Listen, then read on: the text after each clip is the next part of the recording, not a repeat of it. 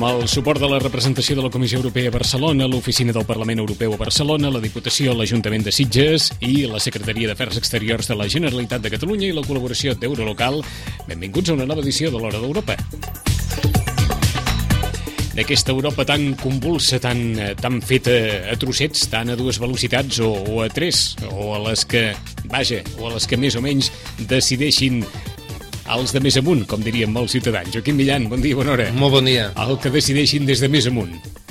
Sí, jo crec que més que parlar de dos o tres o quatre velocitats, l'important és que hi ha velocitat, no? Perquè en aquests moments ja la, la importància ja era, és de dir, bueno, saber on anem, no? Després ja veurem si anem tots plegats o, o, o per etapes, no?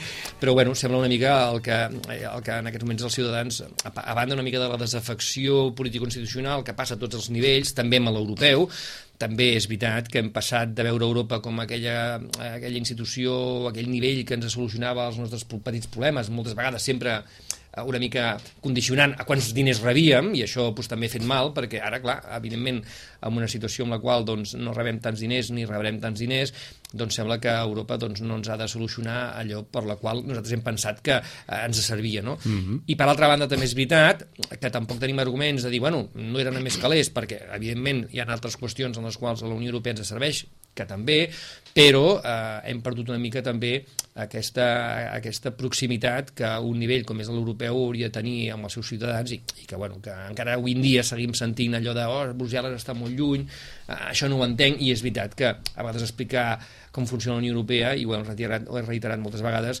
és complicat. Al final, si surts al carrer, la gent t'acaba preguntant, bueno, però la Merkel què diu, no? i això fa molt mal, no?, de quan parlem de la Unió Europea, mm -hmm. que la gent segueixi parlant. Bueno, sí, sí, però la, la Merkel què diu, no? La Merkel diu que ha fet dimitir un ministre. Clar, no? I per tant, eh, clar, llavors aquestes coses són les que ens fan mal, no?, de dir que, que quan parles de la Unió Europea, pues, que la gent digui, sí, sí, tot el que tu vulguis, Millan, però la Merkel què ha dit avui? Perquè, bueno, això és el que sí que... Per qui anirem, no? I l'altre, eh? Uh, absoluta, és teatrillo, no? Uh, absoluta anècdota ara. L'Estat Vaticà ha demanat mai està dins la Unió Europea? No. No, no eh? No, no, no, no li deu haver fet no. mai cap falta. No. Bueno, de fet, eh, com que està justament en un, en un dels sis estats que fundadors uh -huh. de la Unió Europea, que és Itàlia, eh, doncs jo penso que també mm, ja, ja, li, ja li està bé, no? Vull dir, però els problemes tenen ara, eh?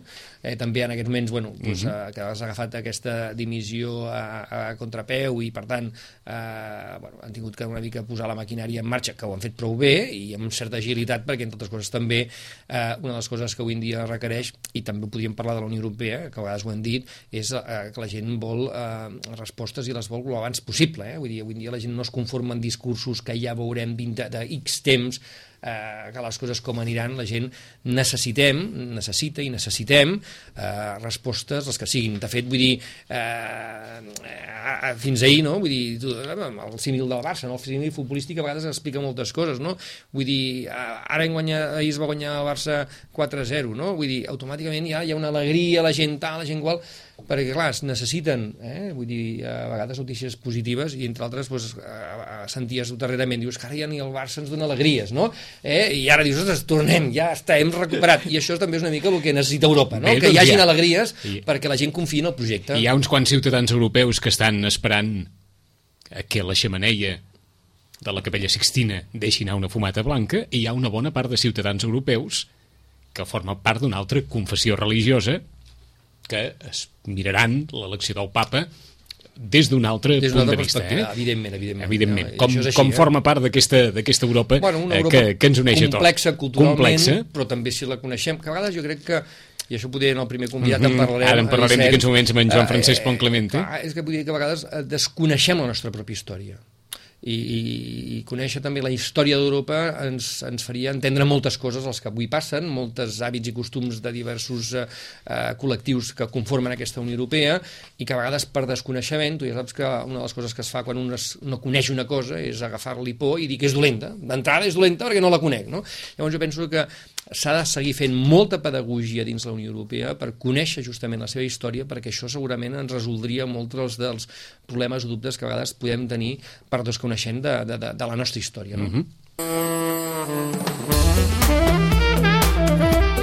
Vaja, que els italians miraran el Vaticà amb uns altres ulls que no el miraran els alemanys segurament per tradició històrica, per tradició cultural, per tradició de moltes coses. Saludem a Joan Francesc Pont Clemente. El senyor Pont Clemente és president de la Fundació Ferrer i Guàrdia, és doctor en dret, llicenciat en dret i diplomat en ciències empresarials per la Universitat de Barcelona. Ha fet un munt d'estudis relacionats amb relació a institucions, societats i també amb el laïcisme i agafem aquest eh, concepte per saludar d'entrada al senyor Pont Clemente. Joan Francesc Pont Clemente, bon dia i bona hora. Molt bon dia. Europa és cristiana? Europa... Eh, de, depèn del que signifiqui aquesta frase. Doncs vinga, matiseu tot el que creieu convenient. Històricament, quan dèiem que Europa o que un país era cristià, volíem dir que la seva religió d'estat era el cristianisme. Um, això ara ja no succeeix més que a Andorra eh, i San Marino.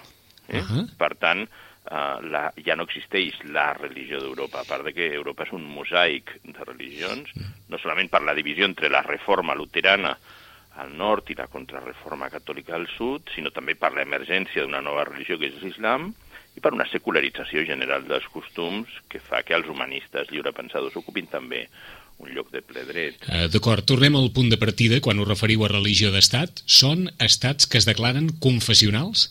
Efectivament. Efectivament. És a dir, que només Andorra i San Marino, dins el que és el territori de la Unió Europea, són estats que es declaren... De fet, Andorra i San Marino no són territori no són, no són. Europea, són enclaus. Sí, eh? sí, però que... ens referim a territori físic de la, de la Unió Europea, si es vol dir d'aquesta manera. En el territori físic Ahà. de la Unió Europea no hi ha religió d'estat. Uh, en la pràctica, perquè uh, Anglaterra té una religió um, oficial, l'Església d'Anglaterra, uh -huh. que és dirigida pel Parlament en... i per la House of Lords.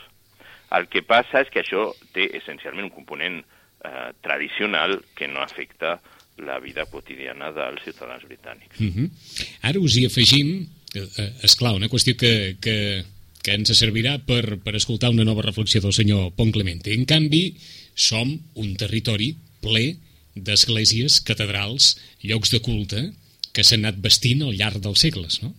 Certament, la, la, la herència de l'arquitectura mm, eh, religiosa eh, és palesa i aquesta arquitectura podem contemplar-la des de dues vessants.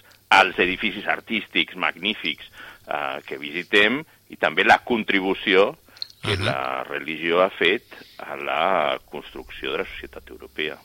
Fins a quin punt els ciutadans europeus en són més o menys coneixedors o no del paper, de la importància d'aquesta tradició? Jo crec que depèn de, també dels països eh, i depèn del eh, grau de secularització. Um, a mi em sembla que la, aso, el, aquest, aquesta associació entre secularització Sessió. i ignorància religiosa és una mala associació. La, la religió és un element cultural que ha de ser conegut si volem entendre la nostra història. Una bona part de les guerres civils, entre cometes europees, tenen entre les seves causes la religió i, per tant, um, sense el coneixement de la religió és impossible conèixer la nostra història. D'acord. Hem associat el coneixement o desconeixement de la religió o l'empatia amb la cultura religiosa amb el paper, per dir-ho d'una forma molt planera, dels capellans en la història? uh, amb el paper dels capellans de l'alt clergat uh -huh. del, uh, del propi papa com a bisbe de Roma, sí. que fins a Garibaldi és uh, rei en poder temporal. I, i, i, i, i, i aquesta tensió política que es produeix ja des del nostre um, Ferran II entre el papa i el rei, hm? que, que fa que l'Església Catòlica eh, als regnes de Castella i Aragó sigui sotmesa a l'autoritat del rei, cosa que després succeiria més eh, abastament en el segle XVII, i, i després aquesta tensió entre les dues esferes que desitgen interferir-se la una a l'altra, fins que al segle XX és el segle de la separació entre l'Església i l'Estat. Tot i que en alguns episodis històrics l'Església hi tindrà un paper bastant fonamental certament. Sigui a Polònia, sigui durant el nazisme, sigui durant alguns episodis especialment transcendents per, per Europa, no? La, jo, jo diria que el, jo vaig viure amb una certa proximitat al paper de Solidarnosc en, el, en, el, en la transició política polonesa Uh -huh. i, i aquest és un, és, és un moment històricament molt peculiar de la, de la història uh, polonesa. Uh, recordo que vaig estar en una vaga a Cracòvia el 1981, en plena uh, dictadura de Jaruzelski, i quan vaig preguntar què demanava Solidarnos, demanava um, posar un filtre anticontaminació en una determinada fàbrica que estava perjudicant la cúpula d'or de la catedral de Cracòvia. Això en ple 1981. Que... Vaja, costa, no sé si dir, d'assumir um, eh, una reivindicació que tingui aquest objectiu, aquesta distància, eh, eh, diguem-ne, cronològica de, de, de temps. Eh? La societat polonesa, jo, jo recordo que quan vaig arribar per, per primer cop al 81 era una societat eh, comunista autoritària i en aquells moments amb una dictadura del general Jaruzelski, a on es veien més sotanes pel carrer que a Barcelona o a Vic. Mm? I on els capellans fins i tot durant la, el comunisme van mantenir un sou de l'Estat exactament igual que a Espanya. Vaja. Curiós, eh? Ah, perquè eh, eh, la secularització té motius, senyor Ponclemente, hem de suposar, no?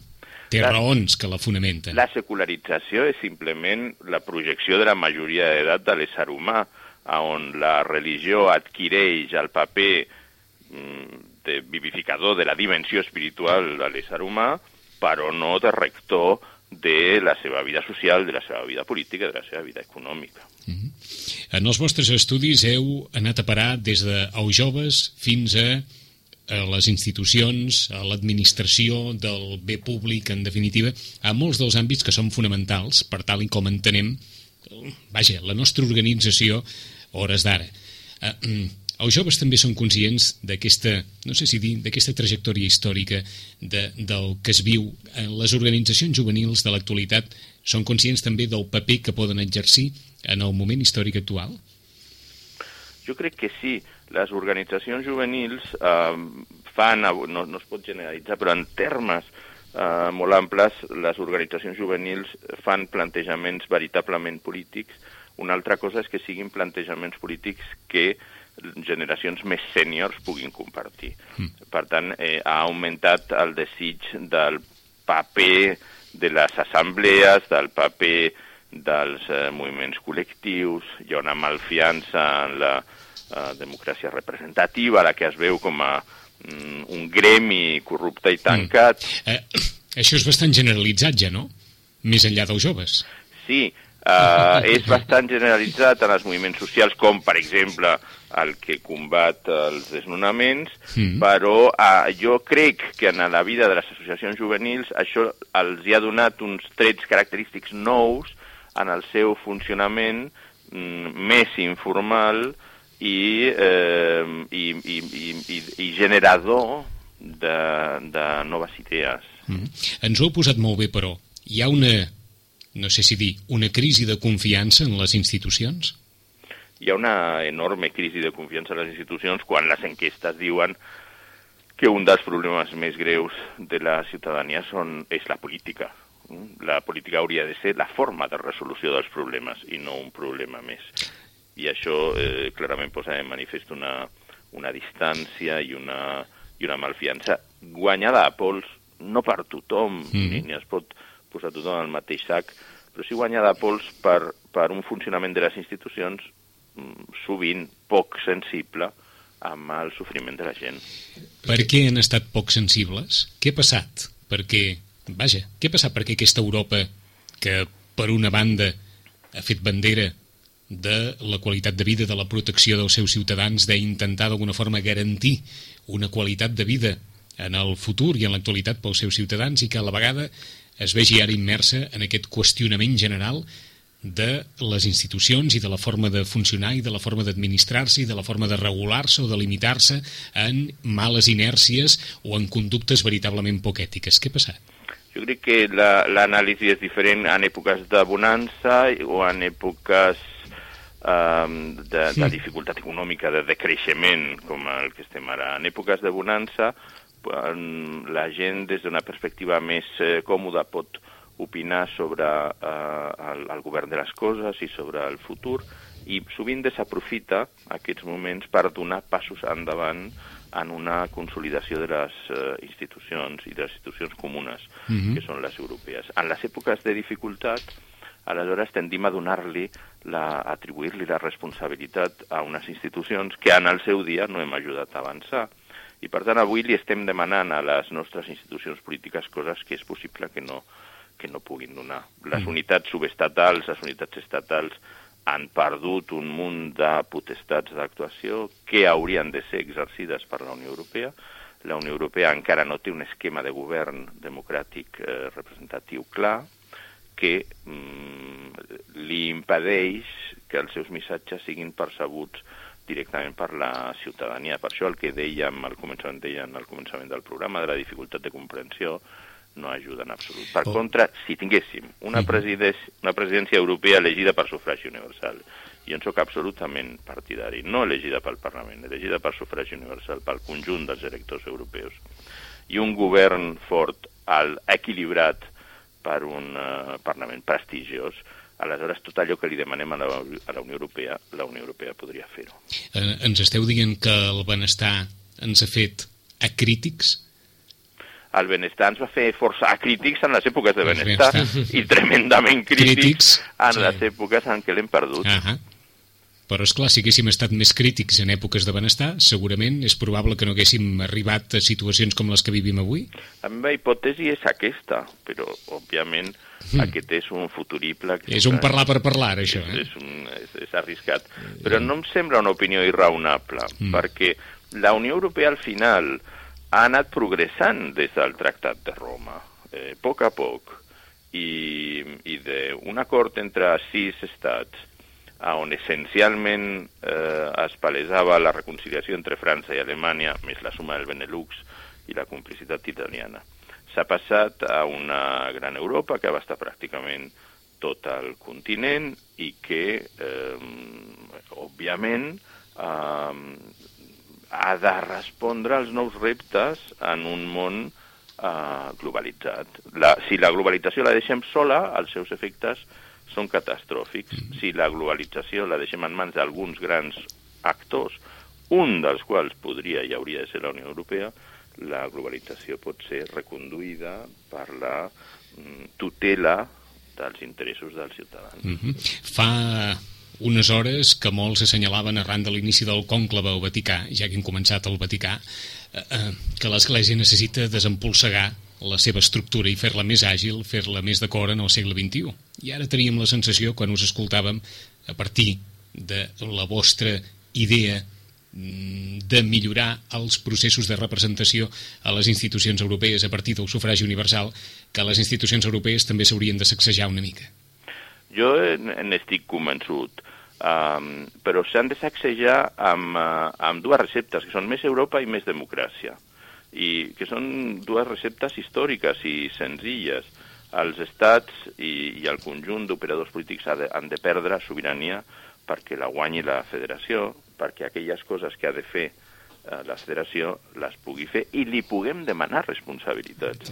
I puguem participar en el procés electoral d'elecció de la presidència europea. Això canviaria eh, substancialment les relacions internes a Europa i les relacions de la presidència europea amb la resta del món, perquè tindria eh, la força del sufragi universal. Jo, jo crec que, el que arrel del que deia el senyor Pont, és veritat que eh, la gent ja comença a qüestionar-se que eh, el maig de l'any vinent, l'any de 2014 al maig, tindrem eleccions al Parlament Europeu. I estic convençut que si sortíssim ara al carrer preguntéssim, la gent ja no estaria disposada a anar més en aquestes eleccions per saber si votarem X diputats, tants diputats... No, la gent votarà dir, bueno, tants diputats per fer què? Per decidir quines polítiques, quins objectius, quines prioritats, i a més bueno, i quin govern, no? que és una mica el que estava dient ara el senyor Pont, de dir, bueno, al final nosaltres no escollim el govern, per tant, el govern, aquesta comissió europea que coneixem, encapçalada pel senyor Barroso, no, no ha de donar explicacions als ciutadans, perquè clar, no ha estat, no ha estat escollida pels ciutadans, no? llavors, clar, els ciutadans la veuen lluny i la comissió aquí ha de donar explicacions, no? Llavors, aquí jo crec que aquest tema que hi ha moltes vegades eh, fer pedagogia europea ja costa, perquè clar, explicar tot això a la gent al final no t'acaben tenint massa i t'acaben preguntant allò que deia eh, Vicenç al principi, que, bueno, i la Merkel què en pensa, perquè al final amb tot aquest batibull sembla que la Merkel decideix alguna cosa, per tant, anem a, anem a lo senzill, què en pensa la Merkel? Jo crec que a Europa eh, el dia que no hi hagi aquesta pregunta haurem guanyat perquè voldrà dir que les institucions funcionen i que la ciutadania hi té eh, a veure i per tant les sent properes i hi ha aquesta eh, una mica el que deia el senyor Pont, no? aquesta relació de poder eh, fer coses i que et puguin exigir, avaluar, examinar-te constantment que és el que tindria que tindre un govern, no? perquè sigui democràtic i proper, que és el que deia també el senyor Pont, més Europa mm -hmm. i mhm. més democràcia. No? I per tant, ficar tot això dins aquesta estructura no és fàcil. L'única cosa que li, també li volia preguntar al senyor Pont, com valora aquesta última notícia que ha sortit darrerament, que ens ha sorprès, però bueno, després ho veus i possiblement ja no et sorprens tant, que diu que, mm, eh, ha sortit ahir, em sembla que deia que Espanya és el país de la Unió Europea en aquests moments, juntament amb Bulgària i Romania, em sembla, que té més desigualtats socials dins dels seus ciutadans, no? Uh -huh. uh, això és una mala notícia, no? Això és una mala notícia, però ja coneixíem aquesta dada, per exemple, en relació a la ciutat de Barcelona. Uh, la, la diferència entre Tres Torres i Nou Barris um, eh, en esperança de vida arriba a ser de 10 anys. Per tant, tenim unes desigualtats interiors que, amb les que hem conviscut fins ara i que, i que ara afloren i afloren amb la cruesa eh, pròpia de, la, de, de qualsevol desigualtat quan els nivells mínims estan per sota de, de, de l'intell de, la, de, la, de la misèria. No? Eh, si que Espanya sigui a aquestes alçades un país tan desigual és l'expressió del fracàs de les polítiques d'igualtat que ha finançat la Unió Europea durant tants quinquenis. Tots aquells diners eren precisament per eh, posar la nostra societat a l'alçada de la mitjana europea i, per tant, per reduir les nostres desigualtats internes. Mm -hmm. En eh, una qüestió final, us bé, no, no és que us ho posem fàcil, però serà així una, una mena de, de pregunta d'aquelles de carrer. Eh, eh, el senyor Pont Clemente està per la, per la retallada o per la expansió econòmica o per la inversió? Jo estic per la inversió i per la, la potenciació del, eh, del creixement i de la possibilitat de la recuperació del nostre teixit empresarial que requereix la recuperació del crèdit. Per tant, eh, per mesures que des de, des de perspectiva raonable eh, permetin als emprenedors trobar finançament, permetin a les empreses no tancar, i permetin uh, la recuperació del consum. Tot això plantejat des d'una perspectiva d'administració de la crisi i no d'un eh, hiperincrement de la despesa pública. Jo crec que ja no tornarem mai a tenir la despesa pública de l'època de les vaques magres. Mm. Eh, però probablement tindrem una despesa pública de molta millor qualitat, conscient d'en què incideix, i incideix molt en el funcionament de l'economia que farà que la pota pública del desenvolupament i la pota privada puguin eh, treballar per, en un horitzó que, que encara no es veu recuperar alguns nivells de funcionament de la nostra mm. economia. Està clar que la condició humana li va bé tenir diners, però no masses, eh? uh, sí, a mi un, un dia que vaig presentar un llicenciat en dret amb una, amb una empresa, me'l van, eh, no el van admetre i, i van tenir l'amabilitat d'explicar-me per què i em van dir que aquest candidat estava massa ben alimentat. Massa ben alimentat? Bé, jo crec que ell tenia una actitud davant de la vida que era típica de l'època de les vaques magres, no? I, i l'actitud s'ha de tenir una actitud de contribuir a, a que les coses funcionin i a que aquest contribuir mereixi una retribució raonable i un increment futur de retribució, perquè la gent el que no pot pensar és que ha d'estar encadenada tota la seva vida, faci el que faci a la situació actual. Hem de recuperar la certesa en què les expectatives es compliran. Jo crec que això és molt important. Uh, dues qüestions, perquè ens aneu deixant testimonis que val la pena uh, uh, agafar. Què creieu que és més fàcil? Que d'alguna forma la Unió Europea posi en marxa definitivament i d'una forma decidida polítiques d'inversió o que bona part dels ciutadans, de tots aquells ciutadans que hem viscut un període de, ma de vaques eh, grasses durant eh, molt de temps i que hem conviscut amb elles i que hem pensat moltes coses, arribem a interioritzar aquesta nova forma de viure, aquesta nova forma d'administrar-nos d'acord amb els recursos dels quals disposem. Jo crec que si la segona opció és conformar-se a la misèria actual, a la, a la disminució de capacitat adquisitiva i a un cert mm, i una certa acceptació acrítica de la situació, malament és rai. malament rai. Eh, la combinació entre polítiques públiques eh, d'inversió gestionades des d'una perspectiva europea i la apel·lació a la recuperació de les ganes, de l'entusiasme per eh, fer funcionar eh, la nostra societat hauria de produir un resultat positiu. O, o sigui que acceptació no vol dir resignació. La resignació és, eh, ja és la fi, eh? és quan mm. hem, hem, pensem que una determinada situació és immodificable mm i renunciem a fer-hi un pes. Joan Francesc Ponclemente, moltes gràcies, us saluda en Joaquim Millan. Moltes gràcies, fins la propera. A vostès. Bona gràcies, adéu-siau. Bon dia. Bon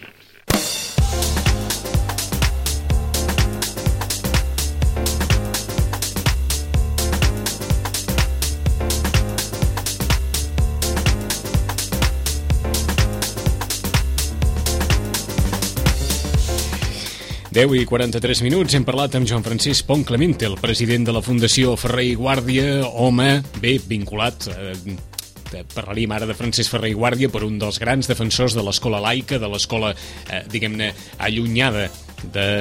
Eh, de, de la ideologia en aquest sentit i, per tant, la laïcitat és un dels temes recurrents amb els quals ha treballat el eh, senyor Joan Francesc Pont, eh, Pont Clemente, que ens ha deixat unes quantes reflexions, sobretot a l'entorn d'allò de, de sempre que els diners ens fan crítics. O I quan no els tenim, llavors ens ho carreguem tot. O malgastadors, com diria o malgastadors, o malgastadors, eh? malgastadors. Exacte. Doncs més o menys això és el que, això és el, el que ens ha acabat passant, però almenys ens quedem amb aquest discurs que de resignació res i cal intentar d'alguna manera recuperar eh, bona part dels valors que havíem tingut en el seu dia. A l'altre costat del fiu telefònic eh, us dèiem a l'inici de programa que és, malgrat la seva edat, una dona molt viscuda.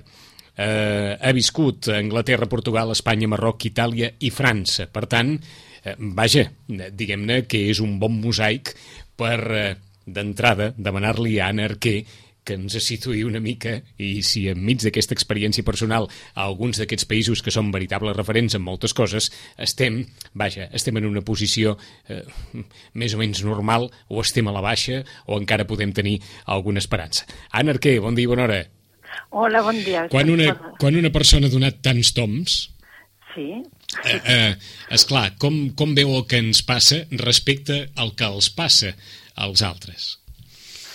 Uh, bé, evidentment um, és, és una resposta que pot ser molt complexa, però en principi a Europa i centrant-nos potser en, en les dues grans uh, potes que avui en dia ens preocupen, que és uh, la crisi uh, financera i la crisi de valors o potser la, la desafecció amb aquestes institucions europees uh -huh. uh, que, que ens han de representar o que, o que diuen representar-nos, doncs diguéssim que eh, hi, ha un, hi ha una certa...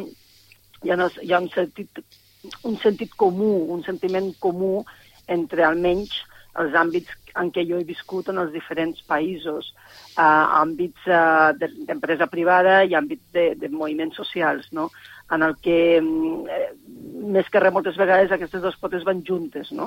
Uh, llavors, hi ha el fet de que, per exemple, una crisi financera en la que hi ha la impressió, ja sigui a Nissa o ja sigui a Lisboa o ja sigui a, on sigui d'aquests països, que Bé, eh, tenim una senyora Merkel i a vegades no sabem qui són els presidents realment de les institucions europees. Mm. Sembla que la senyora Merkel sigui la, la, la presidenta no? de, de, de, tota la, de tota la política europea i comunitària. Eh, que efectes pràctics, evidentment així és el que també s'ha volgut demostrar, i efectes pràctics a vegades inclús els propis estats eh, ja han volgut aquesta, aquesta rellevància, aquest protagonisme mm -hmm. dels, caps d'estat. Voleu, no dir que, voleu dir que els hi, ha anat, els hi ha anat bé, eh, alguns estats, que hi hagi un referent com pot ser Angela Merkel? Sí, sí, sí. Sí, sí, sí, sí ja, mm. ja, ja ha estat, ja ha estat uh, buscat uh, precisament perquè, perquè amb els temes financers eh, hi ha sempre moltes uh, capes eh, d'interessos, eh, diguéssim, davall del que després és el relat públic, no? D'acord, és que ho, ho, us ho preguntàvem perquè no sabem si voler o sense voler, o amb intenció o sense, en la vostra primera contesta heu dit les institucions europees que ens representen, o que diuen que ens representen, i en Joaquim Millan i servidor ens hem mirat i hem pensat, mira, veus, com qui no vol la cosa, i, eh, vaja, aquí ha quedat, d'una forma molt subliminal, un, un posicionament personal que tindria relació amb el que ens deia fa uns moments el president de la Fundació Ferrer i Guàrdia. Eh, eh, ah. Anna Arquer també, no sé si dir, desconfia, malfia, se sent distanciada de les institucions europees? Um, jo penso que més que res és una, és, una, és una reflexió sobre una realitat que milers, per no dir milions de, de, de ciutadans europeus, tot i que evidentment no hi hem parlat amb tots, però uh -huh. uh, perquè podem copsar, um, uh, se sent en, en quant el buit del debat ciutadà en quant la importància de les institucions, per tant ja és una cosa bastant ignorada, precisament mm. perquè les institucions potser no han, no han pogut o no han sapigut arribar realment a aquesta ciutadania en la seva vida pràctica de, de, de cada dia, tot i que segurament influeixen, però no s'ha arribat a entendre en quina mesura des de la ciutadania, i després per una, per una, per una idea conceptual, que és el que dèiem abans, que pot ser buscada o no, eh, molt abstracta i molt llunyana d'aquestes institucions, inclús els seus màxims eh, representants i càrrecs.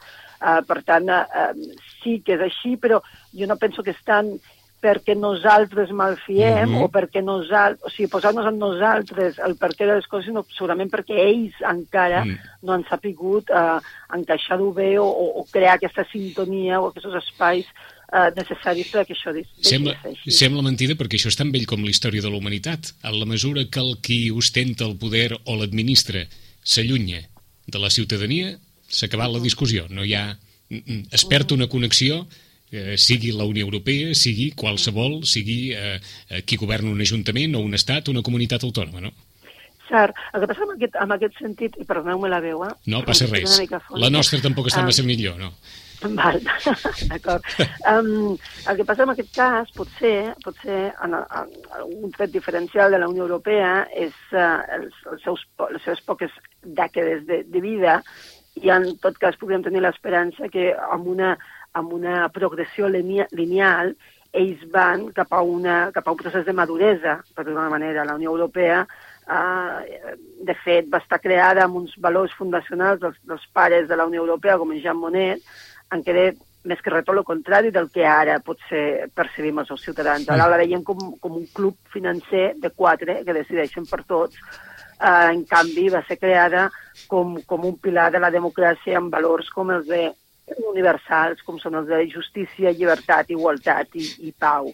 Per tant, igual eh, doncs bé, eh, estan en camí d'aquesta transformació i si no, evidentment, nosaltres, els, els que sí creiem en aquesta Europa, no només cultural, sinó política, eh, continuarem fent aquesta política social de pressió per, per aquesta transformació, perquè aquesta Europa, en tot cas, si ha estat intoxicada, si es pot dir així d'alguna manera, doncs el que no farem és abandonar-la, sinó al revés, eh, lluitar i treballar perquè realment sigui aquesta Europa fundacional, que crec que és la que tots els ciutadans ens, ens agradaria veure reflectit. Uh, un salut de Joaquim Millan. Hola, Anna, pregunta. Hola. A més a més, seguint el que tu em deies, anava pensant que és cert, perquè fins a cert punt, i tu ho saps, eh, aquesta gent jove, aquests joves europeus, que en diem la generació Erasmus, que possiblement hagi estat la generació que ha pogut gaudir de més a Europa, eh, perquè mm -hmm. diem, que diem Erasmus, arreu, però bueno, sí, sí. han pogut estudiar fora, mobilitat, etc etc. Jo me'n recordo que eh, a la meva edat, de, de, de certa edat, quan volia marxar, era un problema, perquè clar, a la frontera, el passaport, ja no parlo de, dels Erasmus perquè ja no hi vaig arribar, no?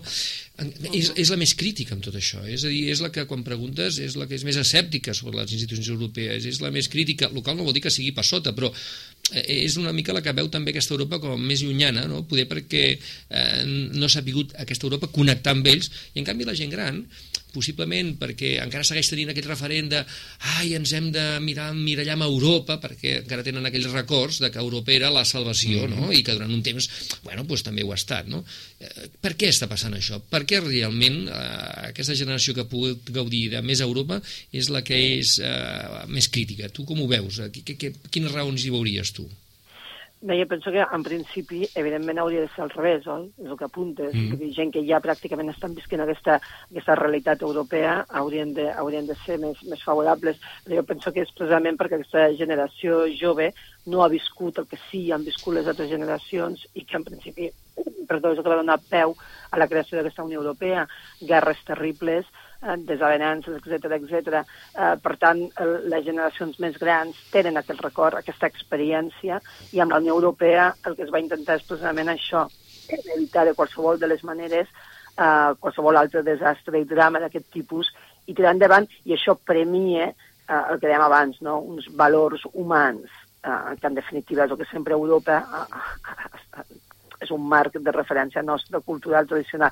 També la gent jove, el que, com que no tenen aquesta, perdó, com que no tenen aquesta experiència pròpia, personal, doncs el que, el que, el que sí veuen és, és eficiència, el que busquen és eficiència, el que, diu, el que diuen és val molt bé, això es va passar fa no sé quants mm -hmm. anys, ara som una altra generació, eh, i el que volem és que les coses funcionin i que, i que, i que, i que, ha, i que, i que no siguem nosaltres qui, qui ens hem d'anar a preocupar, que és el que Europa vol, sinó, ostres, som la gent jove, doncs Europa, preocupeu-vos a vosaltres, sigueu prou eficients vosaltres per saber què és el que nosaltres, de què parlem. Mm -hmm. No de què voleu vosaltres que parlem, que pot ser que també, perquè evidentment per això sou professionals i gent molt més gran i, i sabeu coses, no? Però eh, preocupeu-vos del, que, del que volem parlar nosaltres, i amb això ja no són joves, sinó en, en les diferents realitats nacionals. No? Aqu de què vol parlar el mm -hmm. ciutadà? Això és el que la, les institucions s'han de, de preocupar per eh, eh, Aquesta frase sempre té difícil contesta, eh? Volem que les coses funcionin. Molt bé. Exacte. Tothom vol que les coses funcionin, no? Exacte. Ara, eh, eh, què s'ha de fer perquè les coses funcionin o perquè funcionin a l'alçada de les expectatives de cadascú? Aquesta és la pregunta del millor. No hi, ha, no hi ha resposta, això no hi pot haver resposta, perquè no es pot bueno, contentar... O sí. Ah, Home, hi ha mecanismes, no? Hi ha a veure, en principi sí que hi hauria d'haver una resposta i que, i que es pogués entendre molt bé, i és que les coses com... El meu avi sempre deia, nana, quatre ulls en veuen més que dos, i dos caps en pensen més que un. molt planer, molt, molt, molt, molt, molt clar, volem dir. Ara, ara dispenseu-nos, senyor Arquer, però és clar, a les institucions europees n'hi ha un munt de caps, eh? Exacte. exacte. És a dir, no, que, no. vaja, haurien de pensar...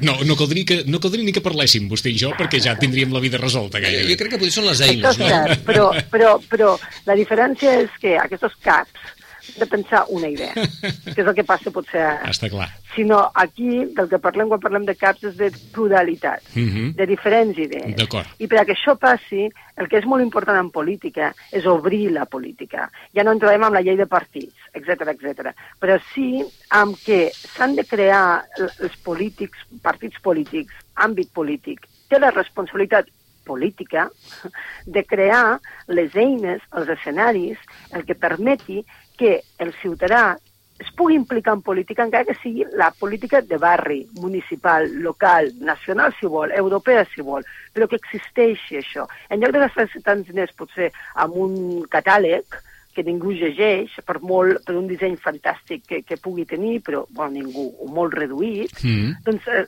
doncs aquests diners potser que, que estarien més ben estalviats amb xerrades, amb coses pràctiques que realment la gent tingui un interès a venir i escoltar, i llavors, el més important, participar-hi. Mm -hmm. Ens queden molt pocs minuts, però no ens agradaria que, que arribessin les 11 sense que ens expliquéssiu quatre coses sobre aquest web que és European Citizens Decide. Què és això? .eu. Exacte. Doncs aquesta, aquesta és, és, és la web que reflexa la, la campanya o el punt d'informació de la campanya internacional, i quan dic internacional em refereixo consensuada internacionalment pels diferents moviments socials europeus, com és el d'Escòcia, Flandes, etc, per a tirar endavant una campanya que el que fa és recollir un milió de signatures uh, per l'autodeterminació. Aquestes signatures no seran, però, només eh, que vinguin de, de, de, de nacions que reclamen aquest, aquest dret per ells mm. mateixos, sinó també de signatures de tots els ciutadans que entenen com a demòcrates que aquest és un dret universal i, per tant, quan diem universal hem d'entendre el que significa la paraula universal que no està aquí simplement per estètica, sinó que significa sense límit temporal ni competencial, que és molt important això, com és el dret d'autodeterminació, tenen que, els pobles i els milions de ciutadans europeus que tenim en territori europeu la puguin exercir si així ho demana una majoria social i política. Per tant, és una campanya que el que fa és involucrar persones rellevants, com poden ser catedràtics d'universitats uh, europees, polítics, etc etc, per tal de um, aglutinar aquesta voluntat ferma i democràtica davant de, del món i sobretot de les institucions, eh, mm. les institucions europees. Què se suposa que pot passar si s'arriba a aquesta xifra d'un milió de signatures? Bé, això és política social, per tant, el que, el que acabarà passant és... Política, social, aconseguim... política social, heu dit, eh? Sí, o sigui, sí d'acord, d'acord, és que no us, en, no us hem entès bé. Política ah, social. Ah, però, sí, sí, ja, ja està, ja està. No, no, passa um, res. Sí, amb, amb, el, amb el sentit que és aquesta política d'aquest caire, aquesta dimensió social en la que, per exemple, aquí a Catalunya, que el 2009 al Parlament de Catalunya es va votar unànimement no a parlar del, del referèndum, i quan dic unànimement tots els partits van dir que no, el 2009, inici d'un procés democràtic com és, i popular com és el de la consulta eh, sobre la independència, per tant, política social, entesa amb, aquest, mm -hmm. amb aquesta En el sentit social, de la participació, sí, sí. Exacte.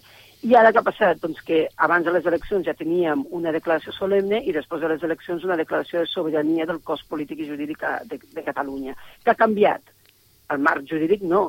El que ha canviat llavors que a, aquesta pressió social ha fet que la voluntat política dels partits doncs, hagi fet possible aquest, aquesta, aquesta, aquesta transformació o, o aquest pas endavant no? en política a Catalunya. Doncs és una mica el mateix a nivell, a nivell europeu. Vull dir, és una, és una campanya que aglutina tota, tota, tots els ciutadans europeus i durant aquest any, doncs, evidentment, estem amb diàlegs oberts amb les diferents institucions i el que passarà al, al final, doncs, de fet, de, estarà en les mans de les institucions i de veure si tot això del que parlen, de que és important la participació ciutadana, que és important tenir projectes paneuropeus, aquest és un, etc etc, doncs com ho reben i veurem realment, com sempre, els ciutadans volem veure no, dels polítics eh, si el que diuen, el que fan, és, eh, hi ha una, una relació directa.